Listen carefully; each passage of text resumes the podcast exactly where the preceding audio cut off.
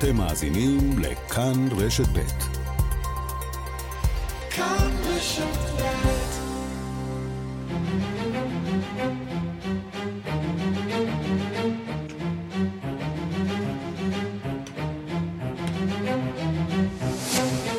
השעה הבינלאומית, מהדורת יום שני, אני מיכל רשף, והיום בעולם. צרפת בחרה אתמול את הרכב הפרלמנט שלה, והוא לא מבשר טובות לנשיא מקרון. מקרון ותומכיו איבדו את הרוב המוחלט באספה הלאומית לטובת הישגים נעים של השמאל והימין הקיצוני. On a beaucoup dit que la France était un pays éminemment fragmenté, polarisé, et cette polarisation et cette fragmentation... רבות נאמר על כך שצרפת היא מדינה מפורקת ומקוטבת, והפירוק הזה הגיע כעת לפרלמנט. זה מה שאנחנו רואים כעת באספה הלאומית, אומר האנליסט הפוליטי ברייס טיינטורר, ממכון הסקרים איפסוס. בחירות גם בקולומביה אתמול, ואפילו בחירות היסטוריות. לראשונה בתולדות המדינה, מועמד מהצד השמאלי של המפה הפוליטית, גוסטבו פטרו, נבחר לתפקיד.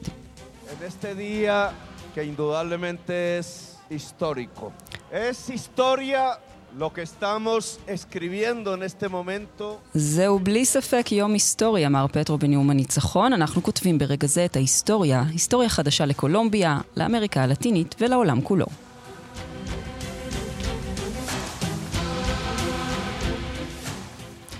הצילומים מסוף השבוע שבהם נראה הנשיא ביידן, נראה הנשיא ביידן נופל מאופניו, לא היו יכולים להיות מטאפורה טובה יותר למעמדו בזירה הפוליטית. הסקרים נותנים לו שיעורי תמיכה נמוכים, וגם במפלגה הדמוקרטית כבר מתחילים להבין שאולי מדובר בנטל על המפלגה. ננסה להבין מה כל זה אומר לקראת בחירות האמצע שיערכו שם בנובמבר.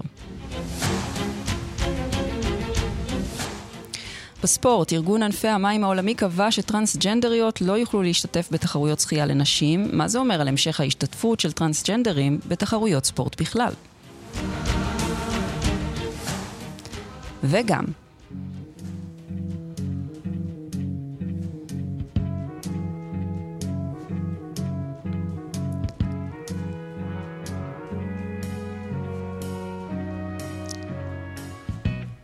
where it began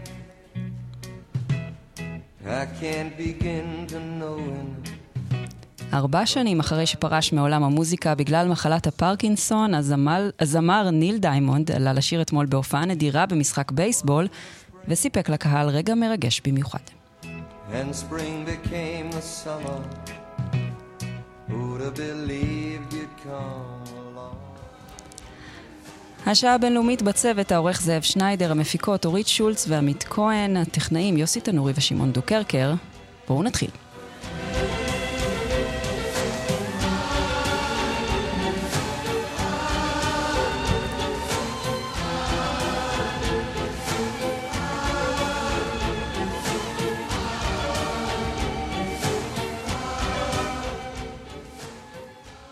נפתח בצרפת, שם נערך אתמול הסיבוב השני בבחירות לאספה הלאומית, והתוצאות מראות מפלה פוליטית לנשיא עמנואל מקרון.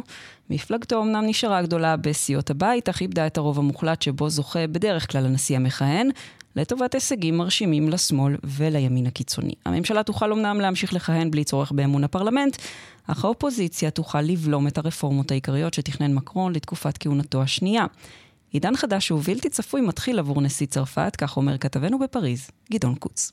זהו זעזוע, אפילו רעידת אדמה בפוליטיקה הצרפתית והמשקיפים מדברים על סטירת לחי לנשיא שנבחר רק בחודש שעבר ברוב של 58% מהמצביעים ולמפלגתו.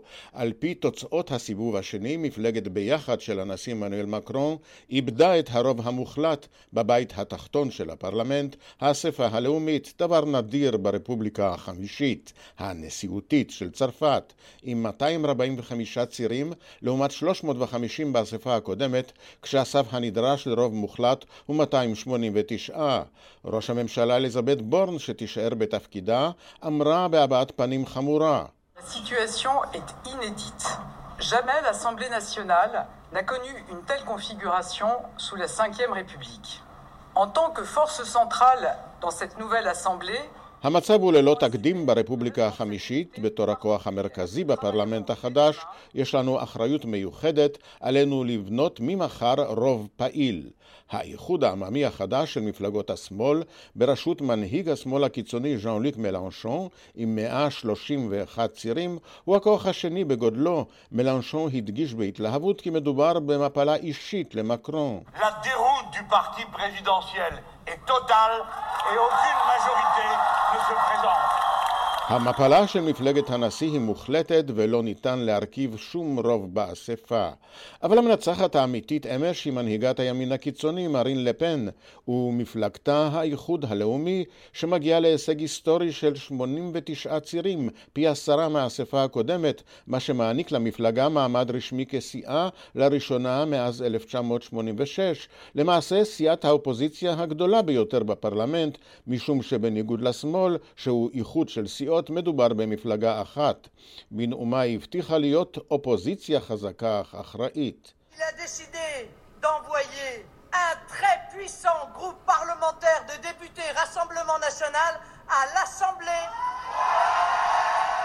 הבוחרים החליטו לשלוח סיעה גדולה מאוד של האיחוד הלאומי לאספה הלאומית, שהופכת כך לקצת יותר לאומית. לשמרנים הגוליסטים 61 מושבים, זו הפעם הראשונה שהימין הקיצוני עבר אותם, תוך שבירת מה שמכונה החזית הרפובליקנית נגד הימין הקיצוני. מצביעי השמאל לא היססו להצביע בסיבוב השני עבור האיחוד הלאומי של לפן. עד כאן המפלה הפוליטית שלא תתורגם בשלב הזה לשינוי בממשלה. מדוע? משום שברפובליקה החמישית השלטון הוא בידי הנשיא.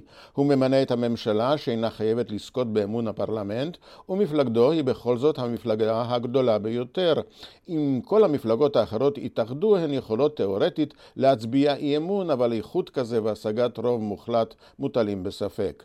יש גם מנגנון שמאפשר העברת חוקים חשובים בלי רוב בפרלמנט, אך מרבית החוקים, במיוחד הרפורמות בתחום החברתי, לא יוכלו לעבור. הפרלמנט הופך לבלתי צפוי עד משותק, וזהו בהחלט משבר בדמוקרטיה הצרפתית, שעשוי להוביל את הנשיא לפיזור האספה הלאומית ולהכריז על בחירות חדשות. שלוש נשים דווקא איבדו את מקומם בממשלה משום שנכשלו בבחירות לפרלמנט. שרות הבריאות, האקולוגיה וענייני הים. גם נשיא האספה הלאומית, רישארד פרן, וראש הסיעה של מקרון, כריסטוף קסטנר, מקורביו של מקרון, הוצחו. אין ספק שבנשיאותו של מקרון מתחיל עידן חדש ובלתי צפוי. כאן גדעון קוץ. נאמר עכשיו שלום לדוקטור מאיה סיון צדקיהו, מנהלת התוכנית ליחסי ישראל-אירופה במכון מתווים, גם מרצה באוניברסיטת, באוניברסיטת תל אביב ובאוניברסיטה העברית. שלום מאיה. צהריים טובים, מיכל. אה, מה הצרפתים בעצם מנסים לומר למקרון בבחירות האלה? אני חושבת שהמסר שעבר בבחירות לנשיאות, שבהם הוא באמת זכה ב-58 אחוז, היה באיזשהו מקום את הברירת המחדל שלנו כנגד מרין לפן, אבל אנחנו לא בדיוק בוחרים בך אישית כנשיא המועדף עלינו כמו שעשינו ב-2017. Mm-hmm. אמ, אז זה מסר אחד. המסר השני, אני חושבת החשוב, הוא שבעקבות המלחמה של רוסיה באוקראינה, אנחנו רואים את אירופה עוברת טלטלה כלכלית במחירי, באינפלציה מאוד אה, גואה, בעליית אמ, מחירי אנרגיה. מזון, אלה כן. דברים mm-hmm. שמתורגמים ליוקר מחיה. Mm-hmm. ראינו את התופעה של אפודים צהובים בצרפת בזמן הנשיאות של מקרון. אה, תופעה שלא קיבלה מענה מאוד מאוד אה, אה, הולם כנראה לגבי, מבחינת הצרפתים. ויש צפי שבאמת אנחנו נראה, אני חושבת שבעצם האפודים הצהובים במקום מסוים תורגם גם להצבעה הזו בעד מלנשון, שהוא שמאל, שימי לב שהסוציאליסטים, שפעם היו המפלגה, אחת מהגדולות מול הרפובליקנים, שתי המפלגות האלה נמחקות, mm-hmm. אבל הסוציאליסטים ממש נטמעים בתוך המפלגה של מלנשון, שמוגדרת כשמאל קיצוני כמעט, אה, אה קיצוני, אני אגיד אה, שמאל אה, מאוד אה, חברתי, מאוד אה, אה, אולי סוציאליסטי קומוניסטי אפילו, mm-hmm. יש שיאמרו. אז, אז, אז אני חושבת איך... שהצרפתים... כן. רוצים לשמר את מדינת הרווחה שלהם. ומקרון במידה מסוימת הולך אה, לכיוונים אחרים, כמו להעלות את גיל הפנסיה, גיל הפרישה, כל מיני דברים שכאלו. הוא יצטרך אה, לעשות דבר... אה, לא מעט צעדים שאולי אה, הם לא כל כך אה, על דעתו, בהנחה אה, שז'אן לוק מלנשון אולי באמת אה, יהיה ראש הממשלה שלו. יכול להיות שתהיה פה אה, חזרה אה, של... אה, תקדימים היסטוריים כבר של נשיא מהצד הזה וראש ממשלה מהצד השני? אז אני לא רואה את מלנשון כן. הופך כן. להיות ראש הממשלה של עמנואל מקרון. נכון, את צודקת שבשנות ה-80 עד 2007 באמת היו לנו תופעות שמה שנקרא אה, קואביטציון. בהחלט היה לנו אה, ראש ממשלה מהצד הנגיד סוציאליסטי ונשיא רפובליקני. אה, עד 2002, אני מתקנת. ואז באמת הצרפתים עושים איזושהי רפורמה במערכת הבחירות שלהם שמאפשרת אה, שינויי... אה, איזושהי התאמה הרבה יותר גדולה כדי למנוע את המצב של קואביטציון שמשתק את הפרלמנט ובמידה מסוימת גם משתק את הממשלה. Mm-hmm. וזה הצליח להם עד עכשיו, וזה באמת... אה, איזשהו תסריט שהצרפתים לא חשבו עליו. Mm-hmm.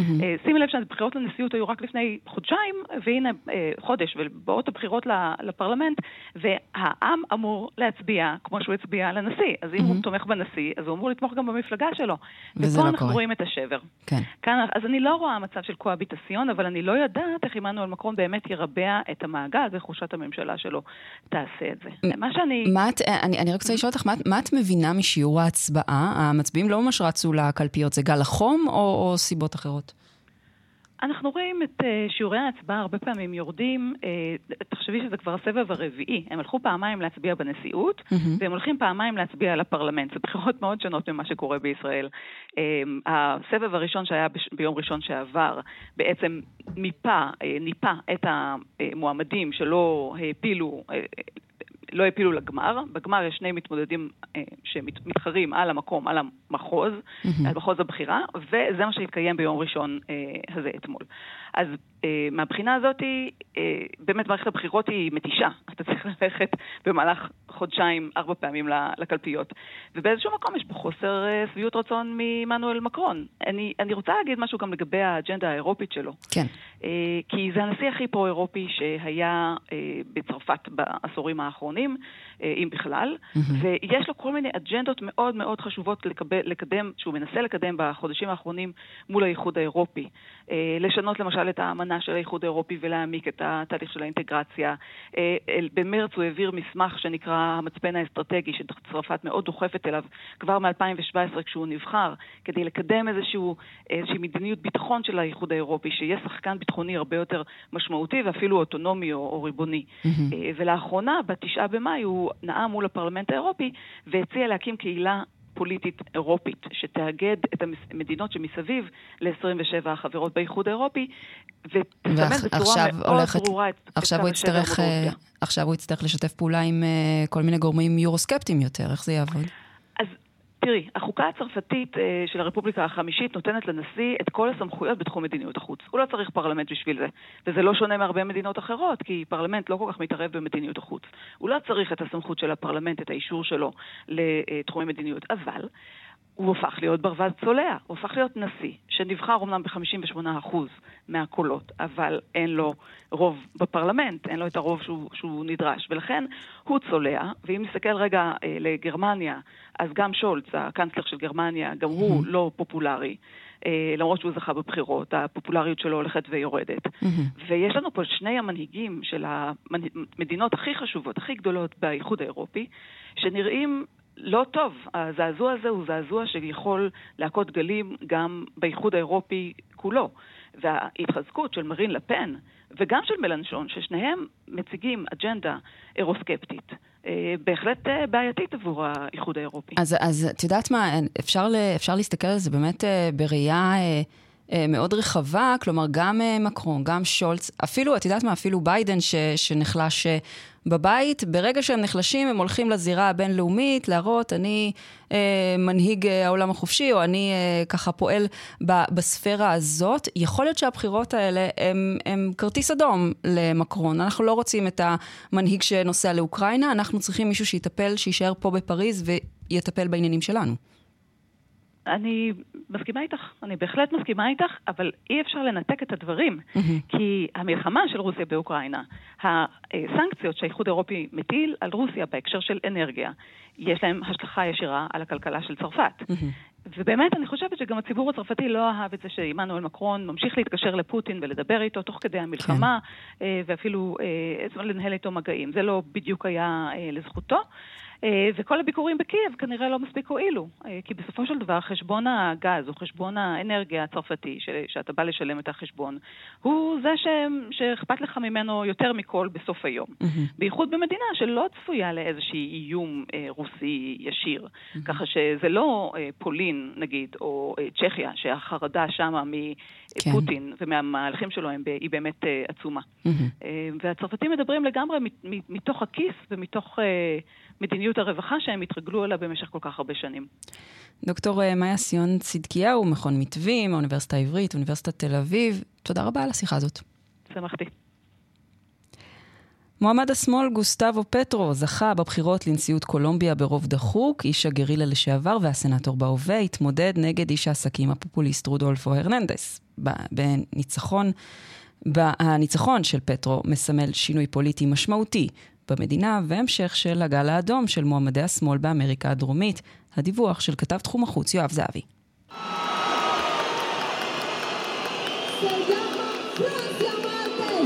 זה היה לילה של שינוי דרמטי בקולומביה. לילה שבו נבחר לראשונה בהיסטוריה של המדינה הדרום-אמריקנית מועמד לנשיאות מהשמאל. לילה שבו הבטיח הנשיא הנכנס גוסטבו פטרו שינויים חברתיים וכלכליים מרחיקי לכת. Una historia nueva para Colombia, para América Latina, para el mundo. Aquí אנחנו כותבים מחדש את ההיסטוריה, היסטוריה חדשה לקולומביה, לאמריקה הלטינית ולעולם. שינוי אמיתי בדרך. לכך אנו מקדישים את חיינו, לא נבגוד בבוחרים שדרשו שינוי. פטרו, כלכלן וסנטור בן 62, היה בעבר לוחם גרילה בתנועת השמאל M19. הוא נכלא בשל פעילותו וזכה לחנינה. במצע הבחירות הבטיח רפורמות מרחיקות לכת בפנסיה, במיסים, במערכת הבריאות ובחקלאות.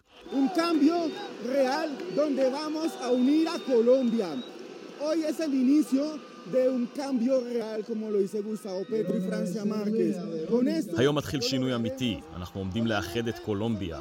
במשך 200 שנה נשלטנו בידי אותם אנשים, אבל היום מתחיל המעבר לממשלת שינוי שתהיה טובה עבור כל הקולומביאנים. אמר אוסקר פריאטו, תומך של המועמד הנבחר.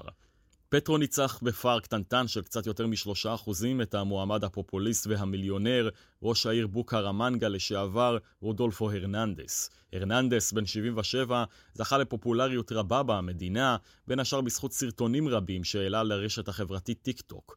הוא הבטיח לקצץ בהוצאות הממשלתיות ולרדוף פקידים מושחתים. עם הודעתו בהפסד ביקש מיריבו ללכת בדרך דומה. que sepa dirigir el país, que sea fiel a su discurso contra la corrupción y que no defraude a quienes confiaron en él. אני מבקש מדוקטור גוסטבו פטרו שידע כיצד להוביל את המדינה, שיעמוד בהבטחותיו להילחם בשחיתות ושלא יאכזב את אלה שסמכו עליו. מערכת הבחירות נערכה על רקע חוסר סיפוק גדל מאי שוויון חברתי, אינפלציה ואלימות. גורמים שככל הנראה תרמו לבחירתו של פטרו. התוצאות משמען שינוי דרסטי בפוליטיקה בקולומביה, מדינה שבה במשך שנים הוקצו אנשי השמאל, שחלקם לקחו חלק בארגוני הגרילה שלחמו בעבר בממשלה. תוצאות הבחירות בקולומביה מצטרפות לגל אדום בשנים האחרונות באמריקה הלטינית. צ'ילה, פרו והונדורס בחרו מועמדים לנשיאות מהשמאל בשנה שעברה, ובברזיל, שבה יערכו בחירות בהמשך השנה, מוביל בסקרים המועמד הסוציאליסטי והנשיא לשעבר, לולה דה סילבה. השעה הבינלאומית חזרנו, בארצות הברית ממשיכים לעקוב בדאגה אחר מצבם של שני האזרחים האמריקנים שנפלו בשבי הבדלנים הרוסים בדונייצק. בימים האחרונים פורסמו סרטונים שבהם מעידים שני השבויים האמריקנים כי הוכו באכזריות על ידי הבדלנים הרוסים. בינתיים מזהיר נשיא אוקראינה מפני התגברות המתקפות הרוסיות בימים הקרובים, בצל הבקשה של אוקראינה להצטרף לאיחוד האירופי. דיווחו של כתבנו במזרח אירופה, ניסן צור. עשרה ימים לאחר שנעלמו, מתברר כי שני אזרחים אמריקאים שנסעו לאוקראינה על מנת להילחם לצד הצבא האוקראיני, נפלו בשבי הבדלנים הרוסיים באזור דונצק. בסרטונים שפורסמו בערוצים פרו-רוסיים וברשתות חברתיות נראים שני האזרחים האמריקאים, אלכסנדר דרוקה ואנדי נגוק חוין, כאשר הם עצורים במקום לא ידוע. מאוחר יותר פורסם סרטון נוסף בערוץ יוטיוב סרבי פרו-רוסי, בו נשמע אחד השובים חושף כי הם נמצאים בדונצק.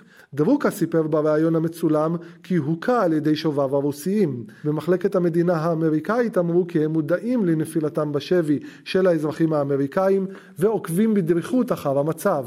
בינתיים התייחס שר החוץ הרוסי סרגי לברוב למתיחות בין רוסיה וארצות הברית בעיקר סביב הסנקציות והמשך התמיכה הכלכלית והצבאית שמעניק ממשל ביידן לאוקראינה. Добиваются того, на чем они уже объявили давно, что Россия должна знать свое место. А Россия не имеет права на собственный голос в международных делах. Россия должна соблюдать... הם מבקשים ליישם את מה שהם כבר הכריזו עליו מזמן. רוסיה חייבת לדעת את מקומה. לרוסיה אין את הזכות לכל מי שלה בעניינים הבינלאומיים. רוסיה חייבת לציית לכללים המותרים על ידי ארצות הברית. זה הכל. אני חושב שזה ברור לחלוטין שהם לא יצליחו. השבוע אמורים לדון ראשי האיחוד האירופי בבקשה של אוקראינה להצטרף לאיחוד, ונשיא אוקראינה וולודימיר זלנסקי מזהיר כי רוסיה עלולה להגביר בימים הקרובים את ההתקפות עקב הדיון בבקשה של אוקראינה. בנאום הלילי שלו מקייב אמר זלנסקי כי הוא ויועציו מצפים לפעילות עוינת גדולה יותר ממוסקבה והזהיר כי רוסיה עלולה לנצל את המצב על מנת לפעול צבאית גם נגד מדינות אחרות באירופה. הוא לא נקב באילו מדינות מדובר. Очевидно, що варто очікувати від Росії посилення ворожої активності спеціально показово саме цього тижня, і не тільки проти України, але й проти інших країн. ברור שעלינו לצפות לפעילות עוינת גדולה יותר מצד רוסיה, בכוונה ובהפגנתיות, בדיוק בשבוע הזה, ולא רק נגד אוקראינה, אלא גם נגד מדינות אחרות באירופה. אנחנו מתכוננים, אנו מוכנים ואנו מזהירים את השותפים שלנו. הכובשים מתגברים את הכוחות בכיוון חרקיב. הם שוב פגעו בתשתית הדלק שלנו. הם רוצים להחמיר את משבר הדלק, וכמובן שגם על זה אנחנו נגיב. ובינתיים רוסיה אכן ממשיכה לשלוח כוחות נוספים לאזור דונבאס בניסיון להשתלט סופית על העיר. מושל מחוז לוהנסק, סרגי ההידי, אמר לטלוויזיה האוקראינית כי הצבא הרוסי שולט באזורים מסוימים בעיר, אולם עדיין לא בעיר כולה. הניו יורק טיימס חשף מעל אלפיים סוגי נשק שונים בהם השתמש הצבא הרוסי במהלך המלחמה באוקראינה. על פי התחקיר של הניו יורק טיימס, כ-210 כלי נשק היו תחמושת שנאסרה לשימוש על ידי רבות ממדינות העולם ובאמנות בינלאומיות. ומי שחשב כי המלחמה תסתיים בקרוב, מנהיגים במערב משמיעים בימים האחרונים תחזית פסימית. בריאיון לעיתון הגרמני בילד אמר מזכ"ל נאט"ו ינס סטולטנברג כי איש אינו יודע כמה זמן יימשך הסכסוך, אולם אנו צריכים להתכונן לעובדה שזה יכול לקחת שנים. לכן אסור לנו להפסיק לתמוך באוקראינה גם אם העלויות גבוהות. ראש ממשלת בריטניה בוריס ג'ונסון כתב בסנדיי טיימס אתמול כי על המערב להתכונן למלחמה ארוכה בעוד פוטין נוקט במסע התשה ומנסה להרוס את אוקראינה באכזריות. ובינתיים אוקראינה מכריזה על חרם תרבות על רוסיה. הפרלמנט האוקראיני הצביע בעד איסור על השמעת מוזיקה רוסית בתקשורת ובמרחבים הציבוריים. האיסור מתייחס למוזיקה שנוצרה או בוצעה על ידי מי שהם או היו אזרחי רוסיה לאחר שנת 1991. אמנים רוסיים שגינו את המלחמה יכולים להגיש בקשה לפטור מהאיסור. בנוסף ייאסר על יבוא לאוקראינה של ספרים מרוסיה ובלרוס. ניסן צור פולין.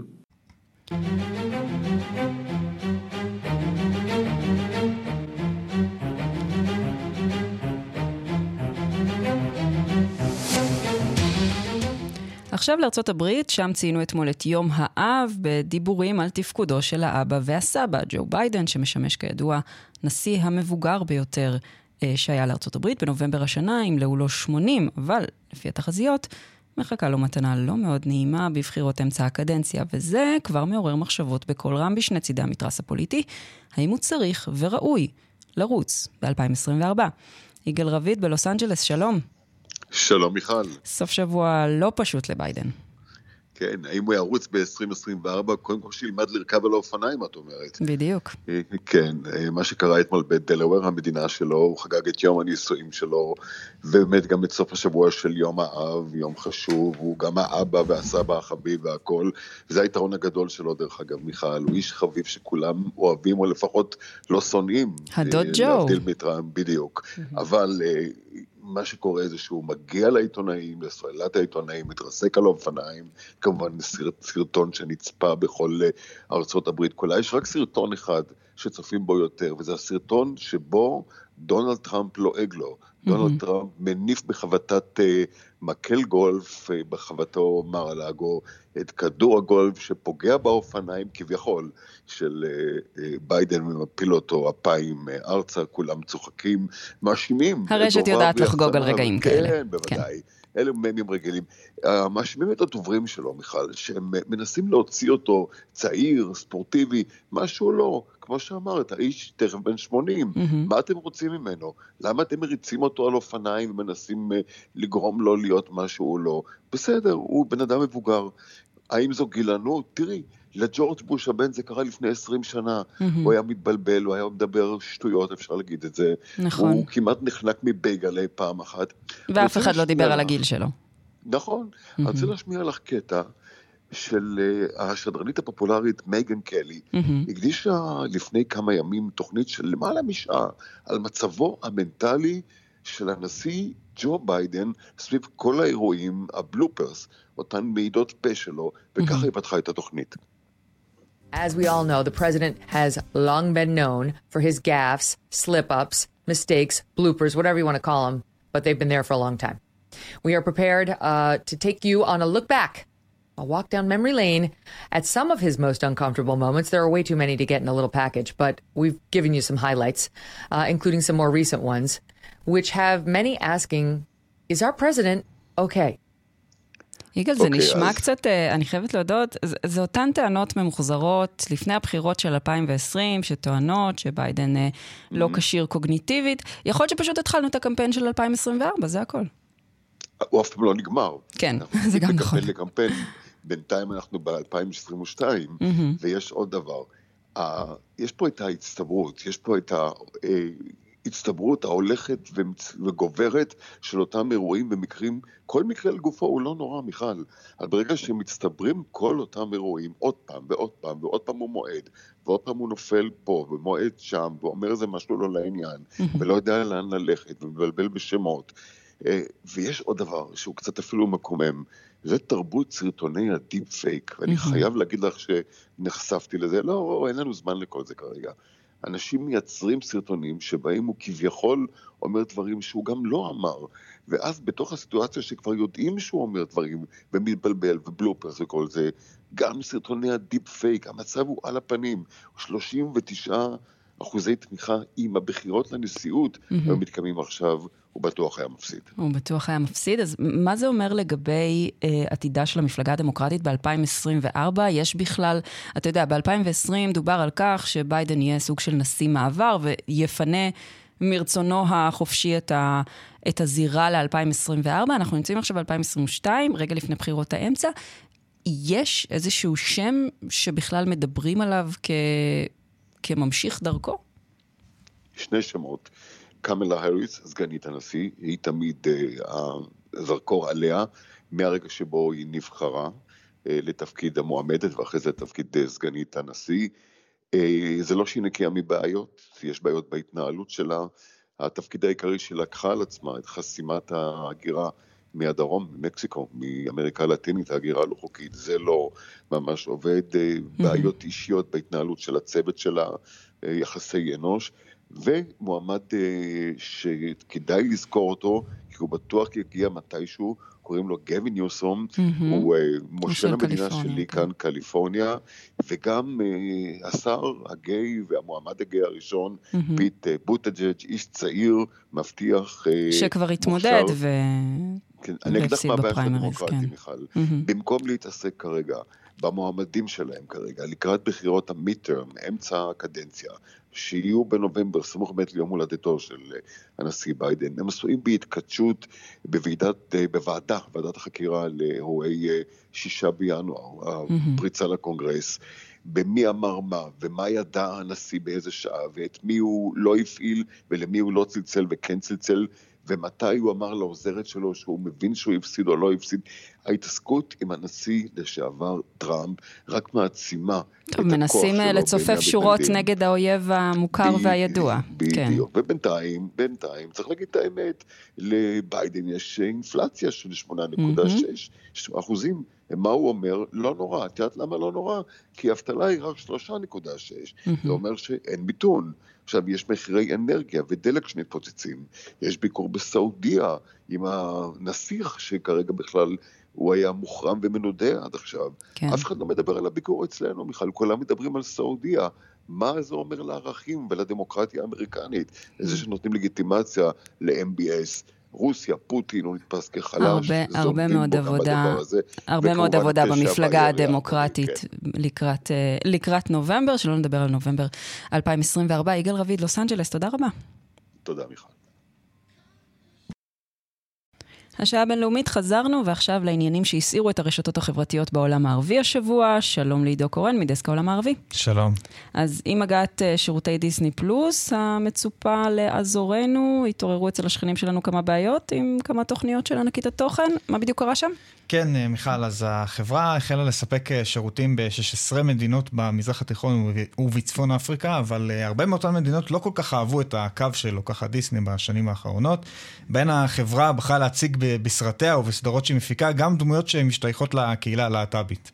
ברשתות החברתיות במדינות שמסביבנו, המגמה הזו לא מתקבלת באור חיובי על פי רוב, ואפילו בגופי התקשורת הממלכתיים יש מי שמבקר את החברה אה, דיסני. למשל. עמיס חדידי, אחת המגישות המצריות המפורסמות, דיברה על כך שהיא לא רוצה לראות את אה, דמויות אה, ילדותה כהומואיות או כלסביות, והרבה באמת הזדהו איתה, גם ברחוב וגם ברשתות החברתיות. אה, ודיברתם כאן באמת בתוכנית אה, בשבוע שעבר על התגובות בעולם הערבי לסרט לייטיר, שנות אור, הסרט שנגע בסיפור אה, לסבי ובאמת מיועד לצפייה של ילדים, סרט אנימציה, mm-hmm. ובסופו של דבר נמנע שידורו של הסרט הזה במדינות רבות באזור, כווית, סעודיה, בחריין, מצרים ולבנון. כפי ואפילו... שהיה צפוי, צריך לומר. כפי שהיה צפוי באמת, mm-hmm. ואפילו גם חברתנו החדשה, האמירויות. גם בתקשורת המקומית במדינות הללו התייחסו לסרטים האלה. בואו נשמע כמה קולות.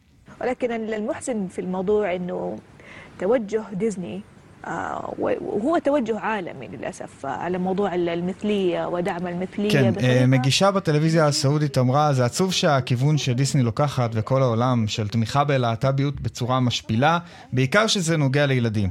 אנחנו כהורים מוסלמים מתנגדים לזה. מגישה אחרת בטלוויזיה הירדנית הוסיפה שצריך לשים לב למה שהילדים רואים, כי התרבות הזו של הלהט"ביות אה, הפכה בעצם לכפויה. אה, נזכיר שמניעת השידור אה, הגיעה אחרי שחברת דיסני סירבה לספק גרסה ללא הסצנות הרגישות כביכול בסרט, mm-hmm. סרט Lightyear, בעבור אותן מדינות שמרניות שביקשו את זה. כן, להסכימה לצנזר, זה נשמע הגיוני. כן, רצו את חופש האומנות שלהם ולשמור את המוצר כמו שהוא. בוודאי. מה אומרים ב cast? וב cast בעצם ממש החליטו אה, החליטו להגיב בעצם ש, שזה ממש גרם להם אה, לתסכול, אה, כפי שאמרו אה, השחקן קריס אבנס והמפיקה של הסרט אה, גילן אה, זוסמן. בוא נשמע. It's frustrating. You know, it feels good to be a part of something that is making social progress, but it's uh, it's with this ribbon of uh, bittersweet frustration that at the same time there are still places that have not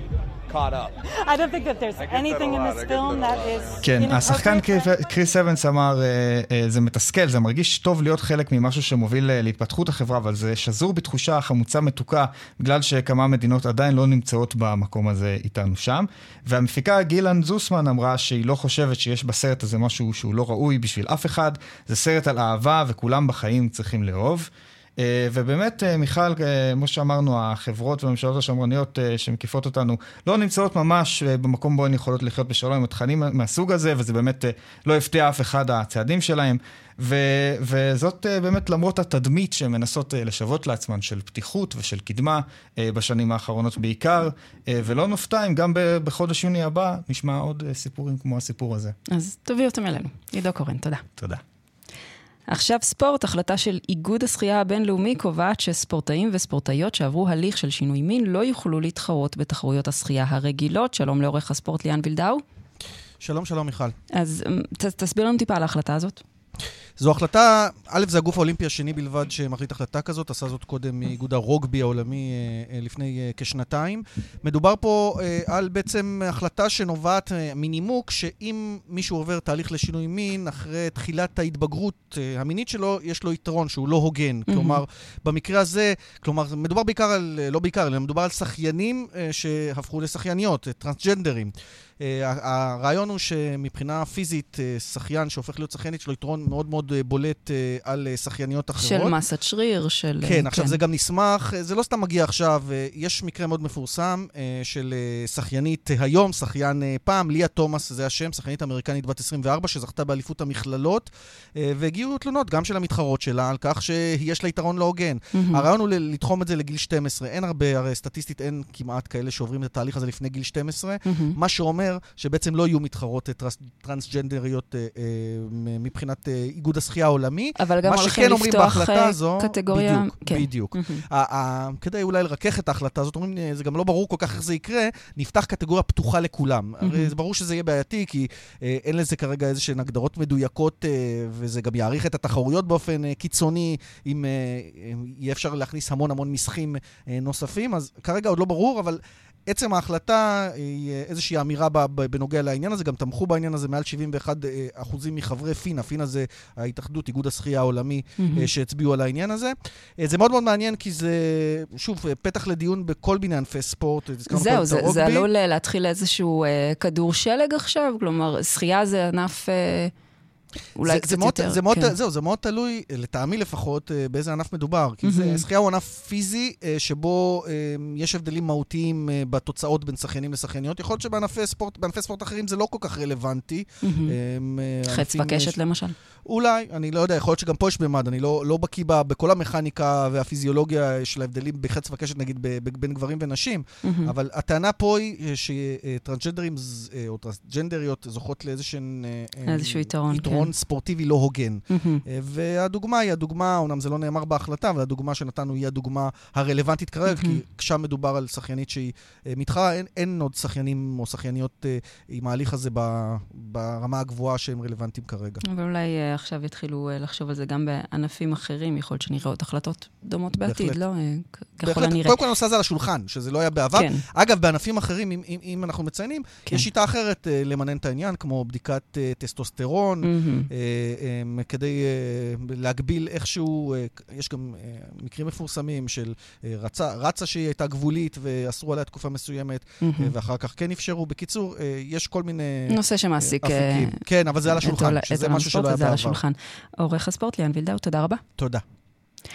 הזמר אד שירן הוא האומן המושמע ביותר בבריטניה, והוא גם אחראי לשיר המושמע ביותר בממלכה, הוא גם האומן הראשון בבריטניה שכל הטוב הזה קורה לו כבר בפעם השנייה.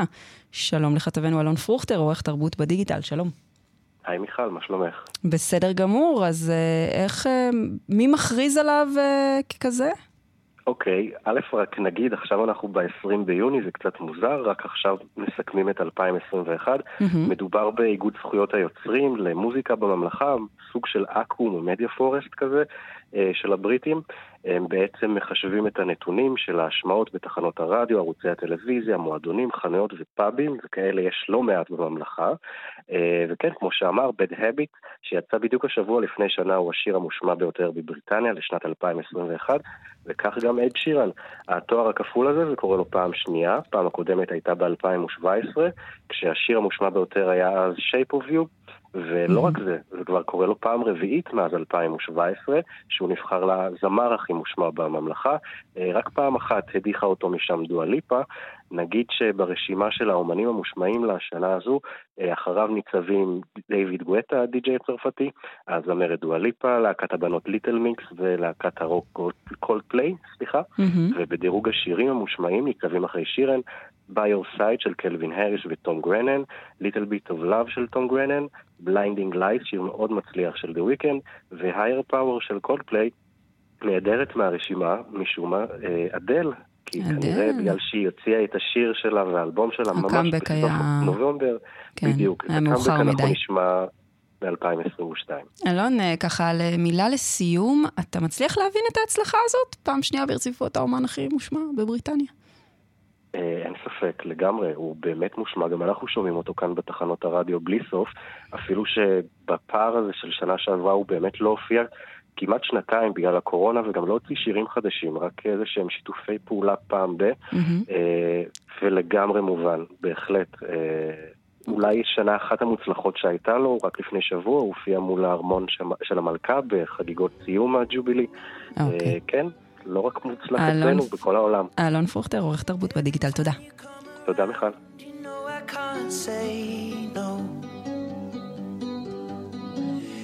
Every time the sun goes down, I let you take control. I can feel the paradise before my world implodes. And tonight had something wonderful. My bad habits lead to late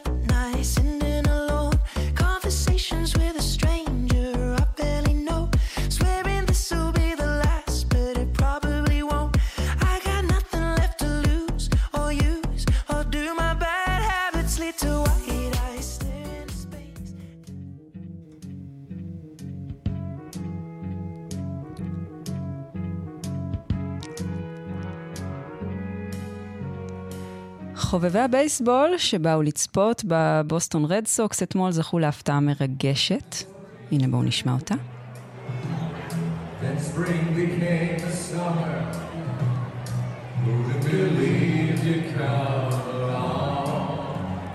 הזמר ניל דיימונד, שפרש מהופעות לפני כארבע שנים, לאחר שהתגלתה בגופו מחלת הפרקינסון, הופיע אתמול לראשונה מול קהל מאז הפרישה. דיימונד ביצע את הלהיט Sweet Caroline, לצד שחקן התיאטרון וויל סוונסון, שאמור לגלם את דיימונד במחזה מבוסס על חייו שיעלה בסתיו בברודוויי. אז הנה מה ששמע הקהל במשחק, בואו נשמע קצת.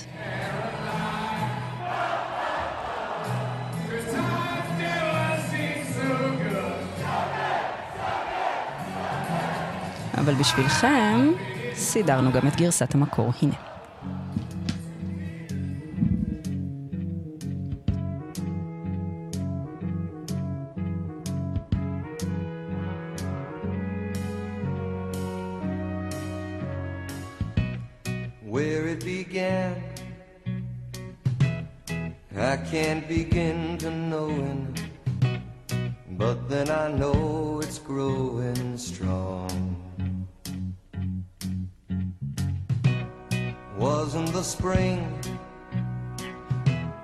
And spring became the summer.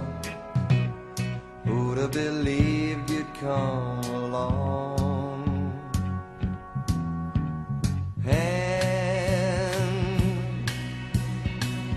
touching hands, reaching out, touching me, touching you.